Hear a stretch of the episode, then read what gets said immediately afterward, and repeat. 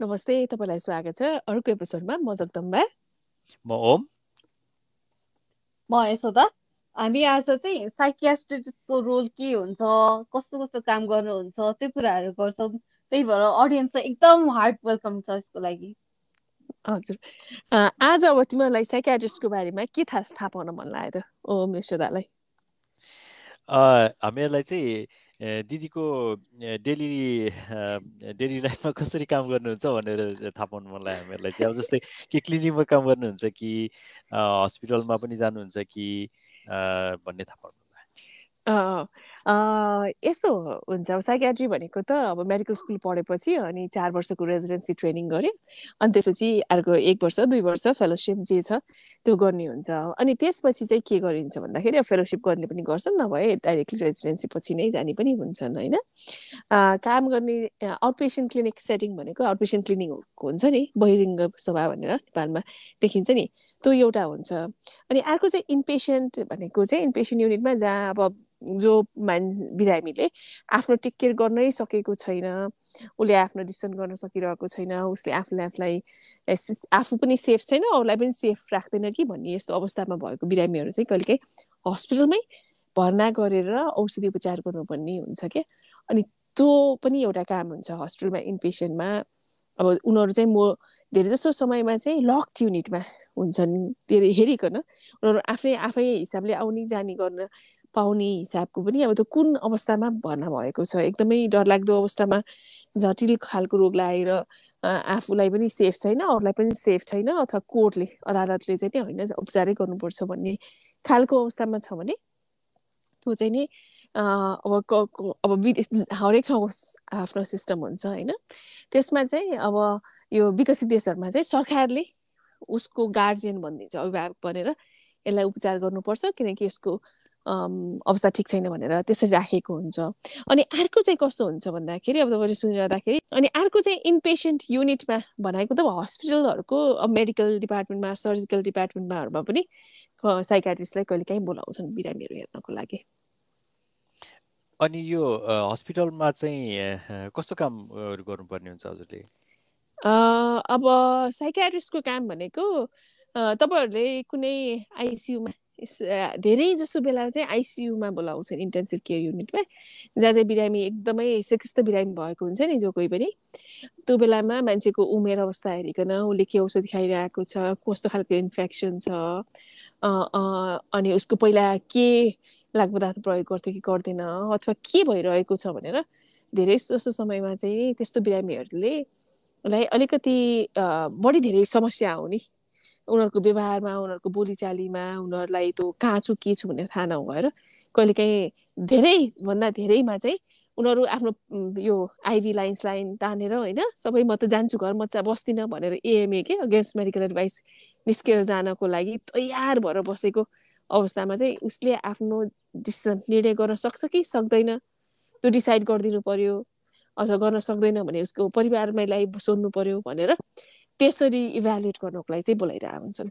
यो चाहिँ एउटा डिलिरियम टाइपको स्टेटमा गयो कि क्या हो त्यसो भए? ठ्याक्कै कस्तो हो त?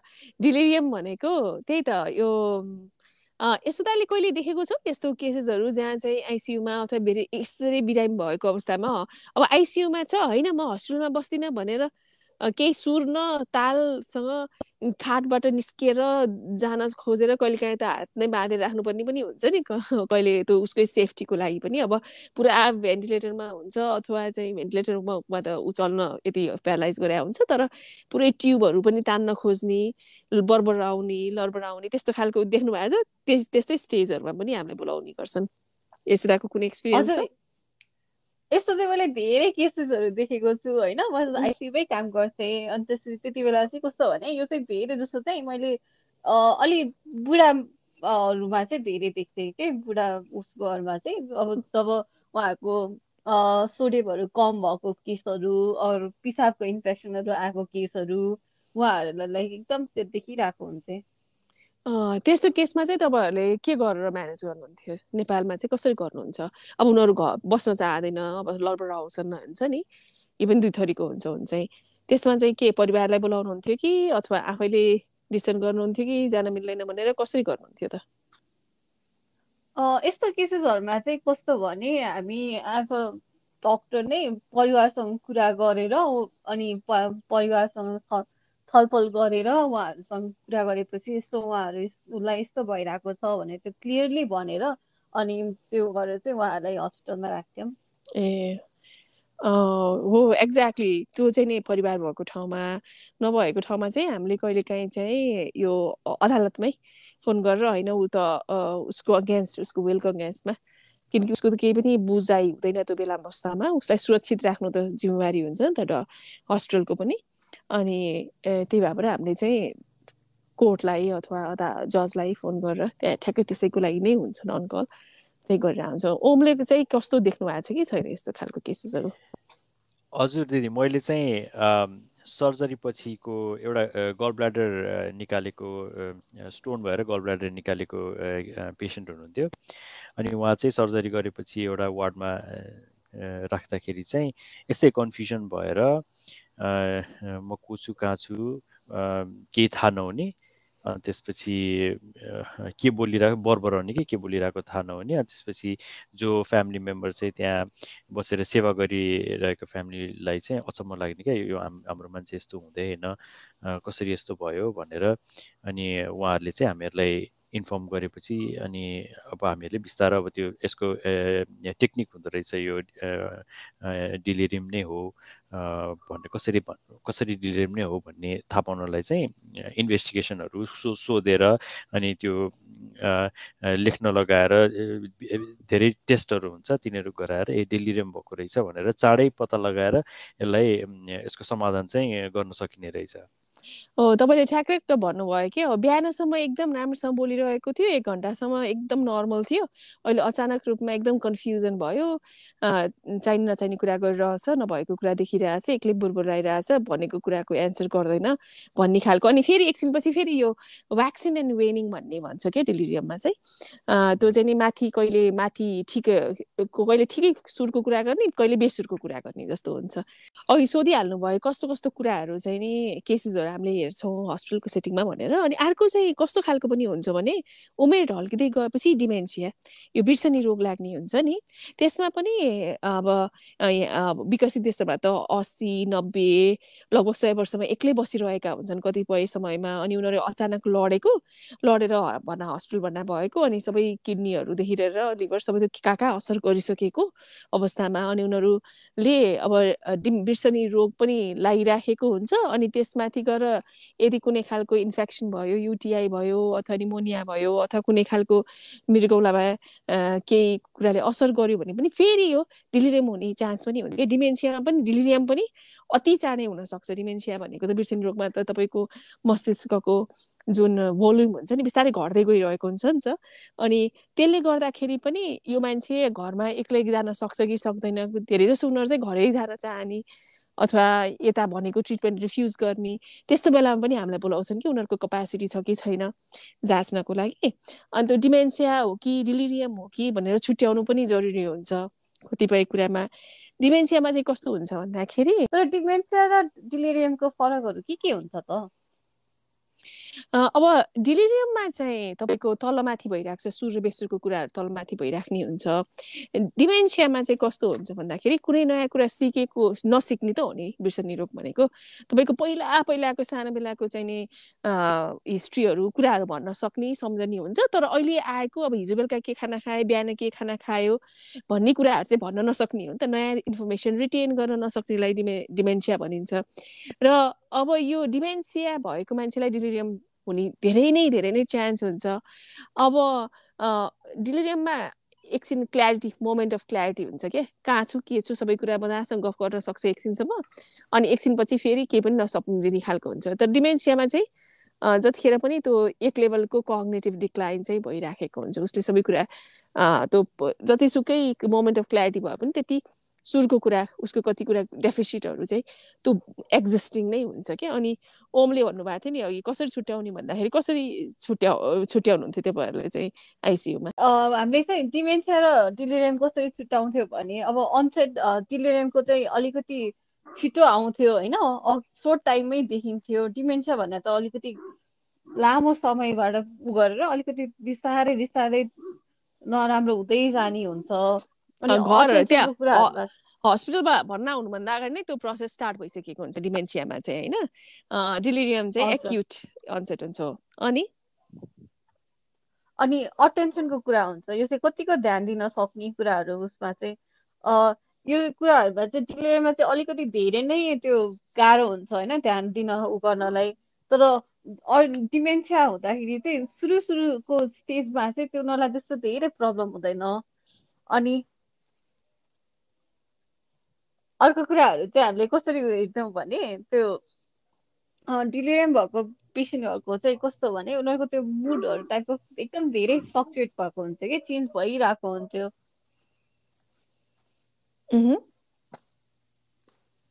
त्यसरी चाहिँ हामीले छुट्याइरहेको हुन्छौँ। ए अनि ओमहरूले ओमले चाहिँ कसरी गर्नुहुन्थ्यो? त्यही एउटा चाहिँ त्यही यशोदाले भनेको जस्तो पहिल्यैदेखि भइरहेको प्रोसेस चाहिँ हामीहरूले अब त्यो ए यस्तो पहिला पनि हुन्थ्यो कि हुँदैन थियो भनेर अब फ्यामिलीलाई सोध्यो भने उनीहरूले पहिल्यैदेखि अँ उहाँले आफ्नो चाबी साबी कता राखेको पनि उहाँलाई थाहा नहुने त्यस्तो त पहिल्यैदेखि हुन्थ्यो भन्यो भने चाहिँ अब यो मेबी डिमेन्सिया होइन त्यही भएर अब फर्दर इन्भेस्टिगेसन फर्दर सोधपुछ गर्नु पऱ्यो होइन। तर होइन यस्तो त कहिले पनि भएको छैन। अस्ति अस्ति अब सर्जरी गरे बेलदेखि उहाँको यस्तो छ भनेर भन्यो भने चाहिँ त्यो चाहिँ मोस्ट लाइकली डिलेरियम। किनभने यो डिलेरियम चाहिँ युजली एउटा एउटा केही शरीरमा एउटा केही घटना घटेपछि चाहिँ त्यस्तो हुने रहेछ क्या डिलेरियममा चाहिँ। अनि अर्को चाहिँ के हुन्छ भने हामीहरूको हस्पिटल सेटिङमा चाहिँ एउटा मिनी मेन्टल स्ट्याटस एक्जाम भन्ने हुन्छ। अनि त्यो चाहिँ एउटा कति एघार बाह्रवटा क्वेसनहरू हुन्छ क्या। तपाईँ आफू आफू को हो कहाँबाट आउनुभएको भनेर त्यस्तो सोध्ने बाह्रवटा जति क्वेसन हुन्छ अनि इभेन्चुली लास्टमा चाहिँ एउटा चाहिँ एउटा त्यो घडी बनाउने एउटा हामीहरूले ऊ दिन्छौँ क्या एउटा टास्क दिन्छौँ क्या। यो ल यो दस बजे दस बजेर दस मिनट गएको एघार बजेर दस मिनट गएको एउटा एउटा घडी बनाउनुहोस् त भनेर भन्दाखेरि युजली डिलेरियम भएको मान्छेले चाहिँ त्यो राम्रोसँग बनाउन सक्दैन। अनि त्यो त्यो भयो भने चाहिँ ए ल यो मान्छेलाई डिलेरियम भएको हुनसक्छ भनेर चाहिँ हामीहरूले असेस असेस गर्न सक्छौँ। त्यसमा धेरैवटा टास्कहरू हुन्छ नि त्यो मध्ये क्लक ड्रइङ भनेर हामीले भन्छौँ त्यो चाहिँ एकदमै धेरै कमन युज गरिन्छ। अनि अङ्ग्रेजीमा हो भने त शब्दलाई उच्चारण गरेर ब्याकवर्ड गर्नुहोस् भनेर त्यो टेन्सन अथवा फोकस गर्न सक्छ कि सक्दैन। अनि कति कुराहरूलाई चाहिँ हो तपाईँहरूले ठिक हो अब यसैमा पनि कतिपय समयमा त अब यो त अघि मैले भनेँ नि साइकाट्रिस्टलाई बोलाउँछ भनेर। त्यो त बिरामीले हस्टेलबाट जान्छु भनेर केही कुरा अरूलाई गाह्रो भयो मान्छेलाई राख्नलाई गाह्रो भयो यो होइन? जान्छु जान्छु उसलाई उपचार चाहिएको छ भनेर ऊ भन्यो भने प्रब्लम बिहेभियर देखायो भने न हो। तर अर्को सिचुएसनमा पनि हामीलाई बोलाउँछन् कि कस्तोमा भने पेसेन्ट डिप्रेस्ड भयो ल यो सर्जरी गरेर आएको अथवा यो गर्ने भनेको केही पनि बोल्दैन टल्ल पऱ्यो बस बस्छ डिप्रेस जस्तो छ आएर एसेस गर्नु पऱ्यो के हो भनेर बोलाइरहेका हुन्छन्। त्यो चाहिँ के होला त ओम ए दिदी यसको बारेमा मैले अलिकति पढेको थिएँ। यो चाहिँ डिलेरियम चाहिँ दुईवटा टाइपको हुने रहेछ। एउटा चाहिँ हाइपर एक्टिभ एउटा चाहिँ हाइपो एक्टिभ हाइपर एक्टिभ भनेको चाहिँ एकदमै एकदम मान्छे एकदम अग्रेसिभ हुने क्या अग्रेसिभ हुने भाइलेन्ट हुने हजुरले भनेको जस्तो त्यो त्यो आइभी लाइनहरू पनि थुत्ने म यहाँ बस्दै बस्दिनँ म जान्छु भनेर अथवा कोहीसँग झगडा गर्न खोज्ने अनि अनि ऊहरू देख्ने क्या त्यो न नभएको कुराहरू देख्ने हेलुसिनेसन गर्ने सुन्ने त्यस्तो त्यस्तो कुराहरू भयो भने चाहिँ पुरा त्यो नेपालमा पागलपन भन्छ नि स्किचोफ्रेनिया पागलपन भएको जस्तो फिलिङ हुने होइन? त्यो चाहिँ अलिकति हाइपर एक्टिभ टाइपको भयो भने अर्को चाहिँ हाइपो एक्टिभ टाइपको हुने रहेछ हजुरले भन्नुभएको जस्तो त्यो डिप्रेसन हुने क्या त्यति धेरै सिम्टमहरू के पनि नहुने खालि बिस्तारो बोल्ने थोरै बोल्ने अनि त्यसपछि आफ्नो हातको मुभमेन्टहरू पनि एकदम बिस्तारो गर्ने अनि धेरै नखाने अनि आफू आफूमै सीमित रहने क्या त्यो अरूहरूलाई त्यो अरूहरूसँग त्यति इन्टरेक्सनहरू नगर्ने। अनि त्यही भएर चाहिँ यो चाहिँ यो चाहिँ डिप्रेसनसँग अलिकति कन्फ्युजन हुँदो रहेछ क्या अब पेसेन्ट पेसेन्टको फ्यामिली मेम्बरहरूलाई पनि ए मेरो मेरो मेरो छोरा अथवा कसैलाई त डिप्रेसन पो भयो कि? भनेर डक्टरहरूकोमा आउने त्यस्तो हुने रहेछ। ओहो। अँ, यसो दाले यस्तो केही देख्नु भएको छ? कहिलेकाहीँ चाहिँ मान्छेहरू एकदम हुँदा हुँदा मैले देख्ने चाहिँ यो मान्छेलाई त न्युली अनसेट स्किजोफ्रेनिया भयो साइकोटिक इलनेस भयो भनेर बोलाइरहेका हुन्छन् कि अस्सी वर्षमा अथवा साठी सत्तरी वर्षमा पहिलोचोटि ब्रेक भयो भनेर। तर खोतल्दै जाँदाखेरि चाहिँ विभिन्न खालको कुनै खालको इन्फेक्सन अथवा मेटाबोलिक एब्नोरालिटिज भनेर त्यस्तो खालको चाहिँ देखिन्छ। यसो दाले यस्तो हाइपो एक्टिभहरू देख्नु भएको छ? चुपचाप लाएर बस्नेहरू? हजुर अँ त्यो देखेको छु मैले। यो हस्पिटलकै काम गर्ने क्रममा मैले देखाएको छु। एकदम त्यो धेरै सुत्तिनी टाउजी टाइपको हुने होइन? अनि उनीहरू आफ्नै त्यो दुनियाँमा एउटा कस्तो ऊ भएको जस्तो एकदम म त्यो जुन नर्मल मोटर एक्टिभिटी हुन्छ नि त्योहरू चाहिँ एकदम बिस्तारै गर्ने त्यस्तोहरू देखेको हुन्छ। ओ विथड्रन सेल्फ विथड्रन हुने भित्र आफूमै हराउने। अब यही क्रममा अब के केले गर्न सक्छ त? भन्ने कुरा पनि आउला। अब के केले गर्न सक्छ त भनेर टाउकोबाटै सुरु गरौँ न त के के कारणले हुन सक्छ त भनेर केही याद छ? हजुर यो त धेरै कारणहरू हुन्छ होइन? अघि हजुरले भन्नुभएको जस्तै एउटा रक्सी खाने लाइक त्यो अल्कोहल यु युज डिसअर्डर त्यो चाहिँ एकदम कमन भयो। अरू भनेको औषधिहरूले गर्दाखेरि हुन सक्छ होइन? त्यसपछि अघि हामीले कुरा गरे जस्तै सोडियमहरू लो भयो भने पनि मेटाबोलिक डिस्टर्बेन्सेसले गर्दाखेरि पनि हुन सक्छ अर्को भनेको चाहिँ हाम्रो म एल बुढाहरूको उसमा चाहिँ के देखाएको छ भने पिसाबको इन्फेक्सनहरू जुन भएको हुन्छ नि त्यसले गर्दाखेरि पनि यो आउन सक्छ। यो चाहिँ एकदम कमन हो। अनि अरू भनेको चाहिँ डिहाइड्रेसनले पनि त्यो देखिन्छ। अब यसो गरौँ न त टाउकोबाटै सुरु गरौँ। टाउकोबाट सुरु गर्दाखेरि के भयो भने टाउको चोटपटक लागेको छ भने कुनै इन्जुरी भएर कुनै स्वेलिङ भएको छ भने अथवा कुनै खालको इन्फेक्सन भयो टाउकोकै मेनिन्जाइटिस इन्कोफ्लाइटिस भयो भने हुनसक्छ होइन? ओम केही छ अरू टाउकोमा? हुन सक्ने हजुर दिदी कारणहरू अँ स्ट्रोक स्ट्रोक हुन सक्यो एउटा अब त्यो रगतमा के अरे दिमागमा रगत जम्ने भन्छ नि स्ट्रोक रगत फुटेर अथवा नपुगेर नपुगेर। त्यस्तो भयो अनि त्यो त्यो प्रेसर प्रेसर बढी हुने त्यो हाइपरटेन्सिभ मान्छेहरूमा पनि त्यो प्रेसर कन्ट्रोल नभएर एकदमै धेरै धेरै हुने त्यो हाइपरटेन्सिभ इमर्जेन्सी भन्छ त्यस्तोहरूमा हुन सक्यो। अनि मेनिन्जाइटिसहरू अब ब्रेनको कुनै पनि इन्फेक्सनहरूले इन्सेफलाइटिस मेनिन्जाइटिसहरू अनि हजुरले भने जस्तै ट्रमा भयो ट्रमामा चाहिँ अब टाउको कतै ठोकिएर आएको छ अनि त्यसपछि पुरै डिलेरियममा जाने कन्सियसनेस आएपछि क्या अब के भन्छ बेहोस भएर उत्रिसकेपछि अनि डिलेरियममा जाने क्या त्यस्तो ओ हुनसक्यो अनि त्यही अरू अरू चाहिँ यस्तोले भने जस्तो मेडिकेसन्सहरू भयो होइन अब अब अ, त्यहाँपछि जाउँ न के भन्छ मैले त्यसबाट गरेँ मैले काटेँ त्यसमा। सँगसँगै अर्को चाहिँ दिमागमा मस्तिष्कमा राम्रोसँग ब्लड सप्लाई पुगेको छैन जस्तै क्रोनिक एनिमिया भयो भने पनि र त्यसमा इन्फेक्सन भयो भने पनि तपाईँको ब्लड सप्लाई यदि तपाईँको अलरेडी कम्प्रोमाइज छ बडी सर्जरी पछि अथवा कुनै खालको मेजर इभेन्ट केही भएको छ शरीरमा र तपाईँको हेमोग्लोबिन पनि कम छ। रगत रगतले हो नि त अक्सिजन सप्लाई गर्ने। यदि अक्सिजन सप्लाई नै कम गरेको छ भने पनि त्यसले पनि रिस्क फ्याक्टर चाहिँ हुन्छ इन्क्रिज गराउन सक्छ कि डिलिरियम गराउन सक्ने चाहिँ। हजुर। हो। अ, अनि अर्को चाहिँ अब घाँटीमा केही छ? घाँटीमा अथवा कुनै कुनै खालको इन्फेक्सन भयो भने घाँटीको ट्रमा भयो अक्सिजन सप्लाई कम भयो भने त्यो पनि हुनसक्छ है।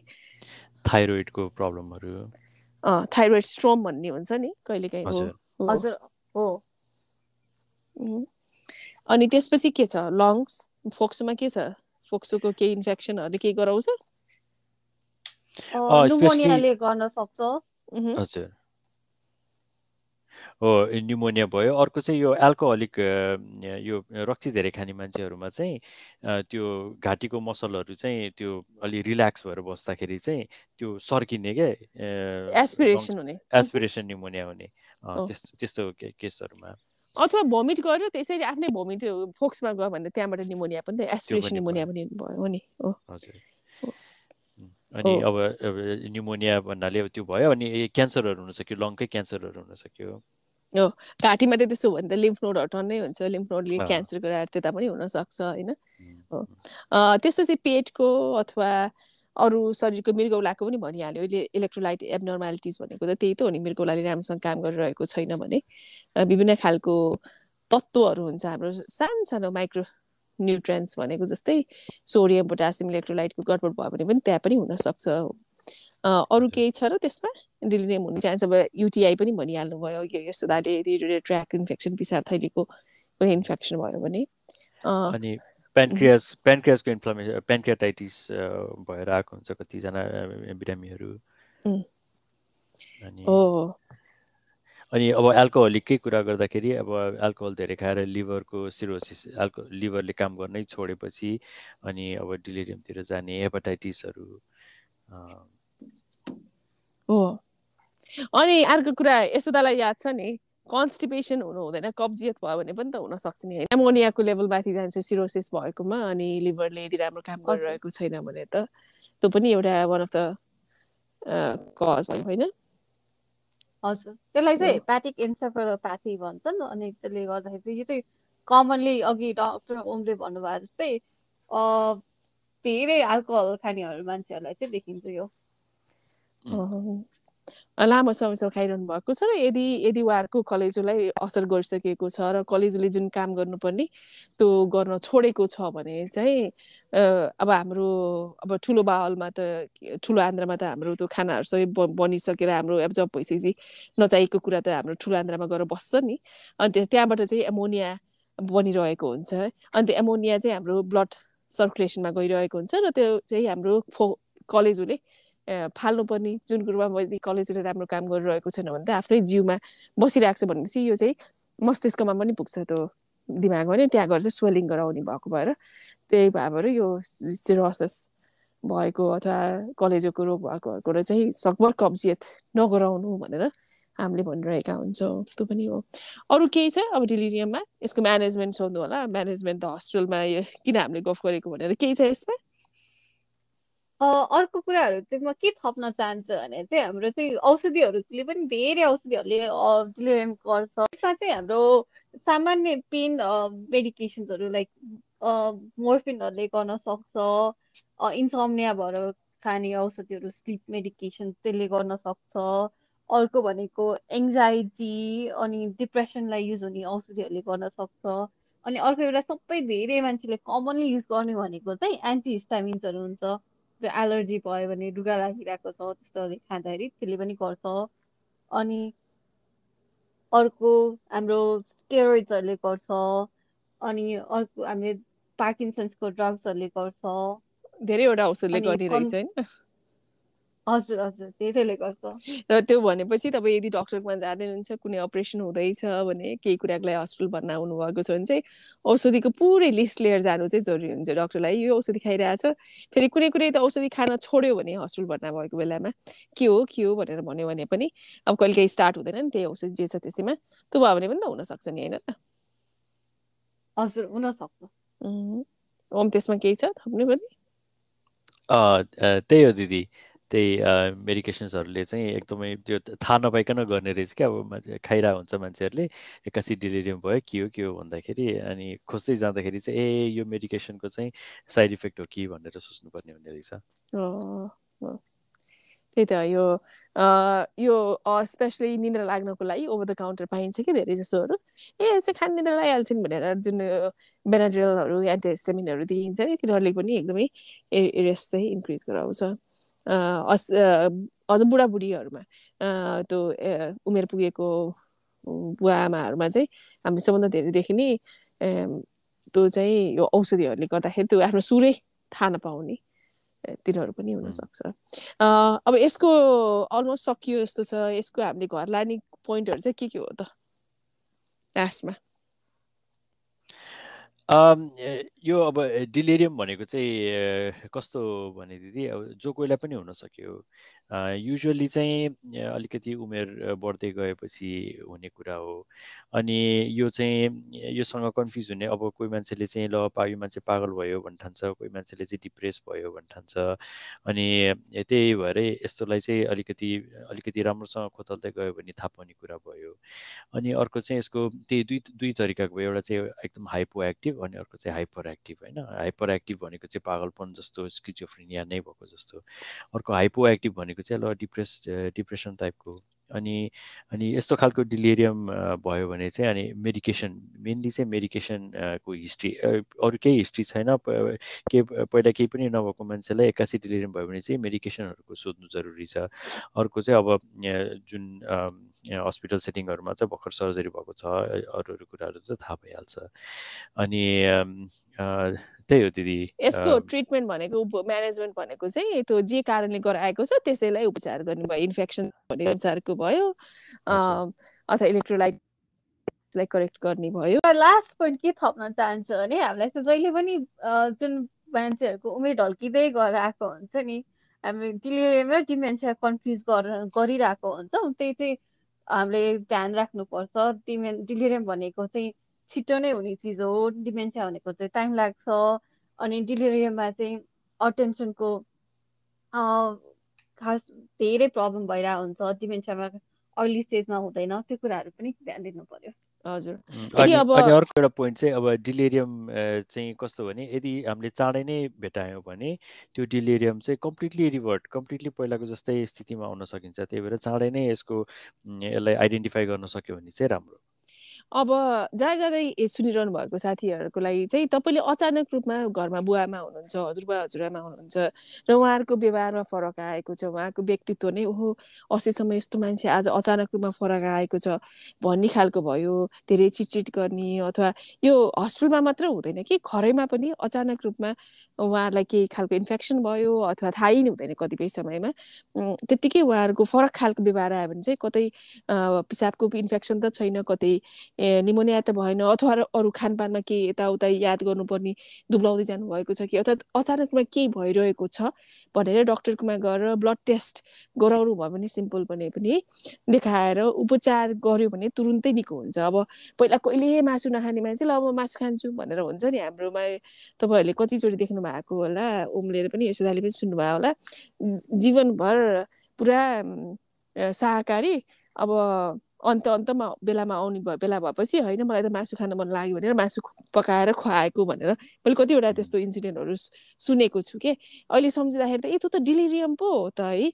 अनि त्यो उपचार नभएपछि त्यो उपचार भन्नु भने चाहिँ मान्छेको मृत्यु छिटै हुन सक्ने सम्भावना धेरै चाँडै हुन्छ।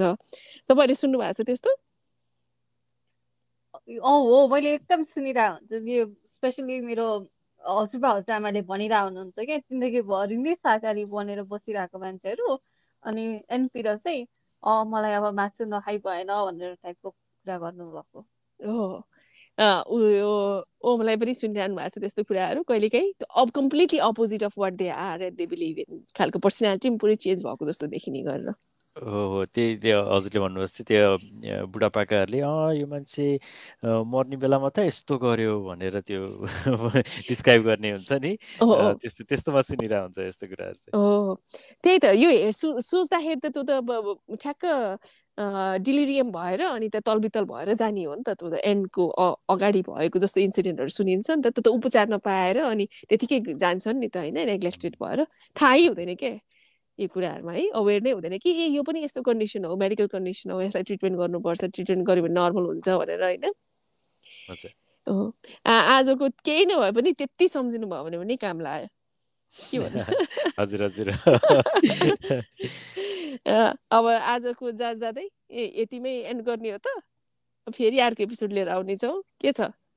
हो दिदी. आजको चाहिँ अलिकति मेडिकल ल्याङ्ग्वेजहरू अलिकति धेरै युज भयो होला।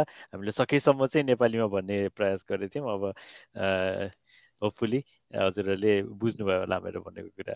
हामीले यो एफोर्ट लगाइरहेका छौँ नेपाली भाषामा। केही न केही सर्वसाधारणलाई हुने बुझ्ने भाषामा चाहिँ केही जानकारी गराउँ र एक दुईजनाको जीवन बच्यो भने केही चेन्ज भयो भने नि हाम्रो उद्देश्य चाहिँ हामीले प्राप्त गर्नेछौँ भन्ने हाम्रो आशाका साथ हामी तिनजना यहाँ बसेर यो कुरा गरिरहेका छौँ आजलाई यति नै गरौँ है त साथीहरू तपाईँको दिन रात शुभ रहोस् थ्याङ्क यू धन्यवाद thank you bye thank you